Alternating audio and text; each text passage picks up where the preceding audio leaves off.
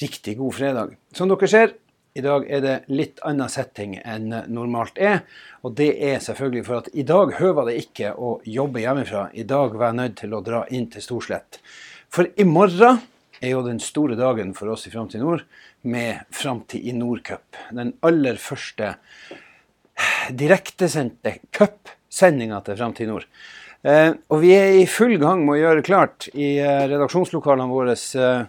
Eh, ett er nå at hun, Johanne sitter og fyller opp nettet her bak, sånn at ting skal bli klart. Her sitter hun, Johanne og sørger for at vi får på alt av nyheter utover dagen. Men inne på vårt egentlige pauserom her i Framtid Nord, så sitter altså Kristina og han Are og svetter over en PC som har én oppgave i morgen. Og det er altså den lille boksen der er hele hjertet i produksjonen vår. Og nå prøver vi å finne ut av alle de tingene som vi må finne ut av. Og det er ganske mye vi må finne ut av uh, for at du skal få ei direktesendt sending. Det er i det hele tatt veldig spennende å holde på med det her. Uh, og så debuterer vi jo sånn skikkelig når vi skal lage ei svær sending, så da er det selvfølgelig litt nerver. Nå kunne jo jeg gått inn og spurt Kristina om det var litt nerver, men jeg vet at uh, det er helt unødvendig, fordi at hun har trøkket på plass. Nå fikk dere en liten rundtur en fredag her i lokalene våre på Storslett. Så, sånn her ser altså en liten avisredaksjon ut, i hvert fall på en fredag.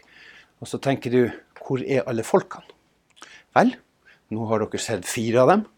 Så har vi noen i Lyngen som venter på at vi skal komme over og begynne å rigge til i Lyngenhallen. Og så har vi selvfølgelig noen som er hjemme, og så har vi noen som er litt rundt omkring. Men alle skal være på i morgen, og det blir kjempeartig.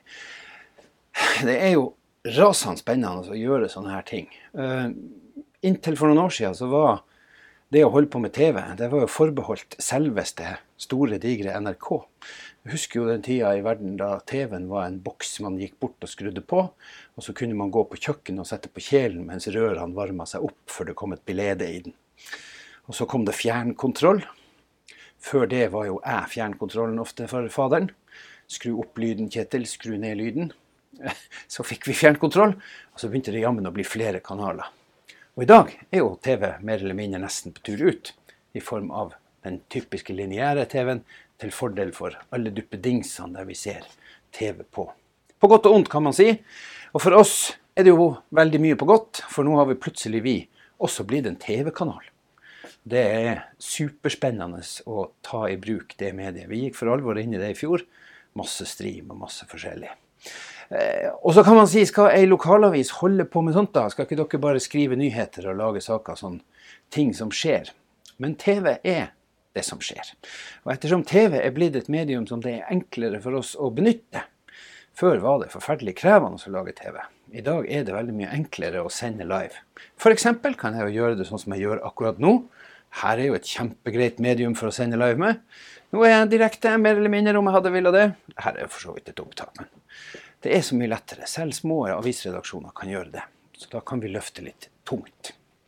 Så i morgen er det altså da Hvor mange lag, Kristina? Åtte lag.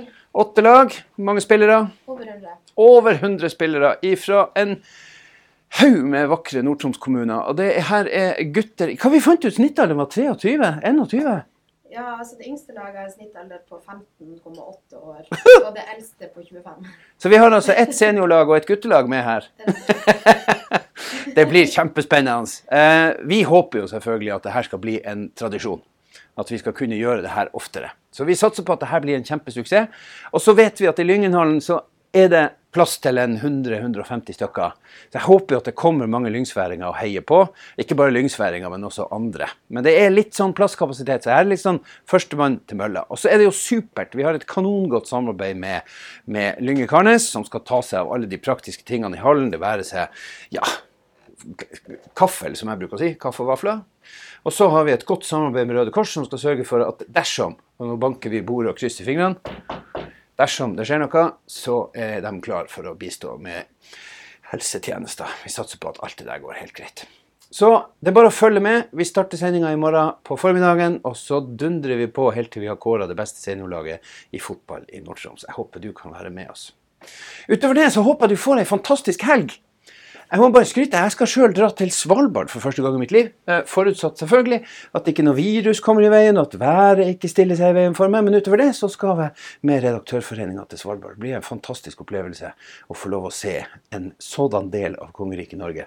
Aldri vært på Svalbard. Så det blir en opplevelse. Men før det, til Lyngen. Alle sammen, ha ei fantastisk fin helg. Skal du ut og kjøre, så kjør endelig forsiktig. Og husk, husk, husk. Det er blitt lyst på dagene, men fortsatt må du bruke refleks. Vi høres.